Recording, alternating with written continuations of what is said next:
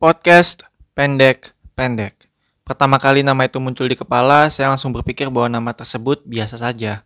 Bahkan terlalu sederhana sampai saya harus memikirkan alternatif nama podcast yang menurut saya lebih bagus, lebih keren, lebih menarik daripada hanya sekadar podcast pendek-pendek. Apalagi nama podcast pendek-pendek terdengar seperti orang yang malas untuk menentukan nama podcast. Tapi kenyataannya alternatif nama podcast yang ada di pikiran saya ternyata hanya lebih rumit saja.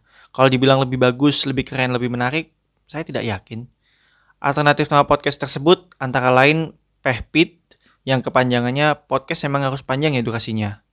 Uap atau suap yang kepanjangannya podcast atau siniar untuk apa panjang-panjang. Tapi ada juga yang saya tidak mau singkat seperti podcast satu kalimat, padahal podcast saya lebih dari satu kalimat.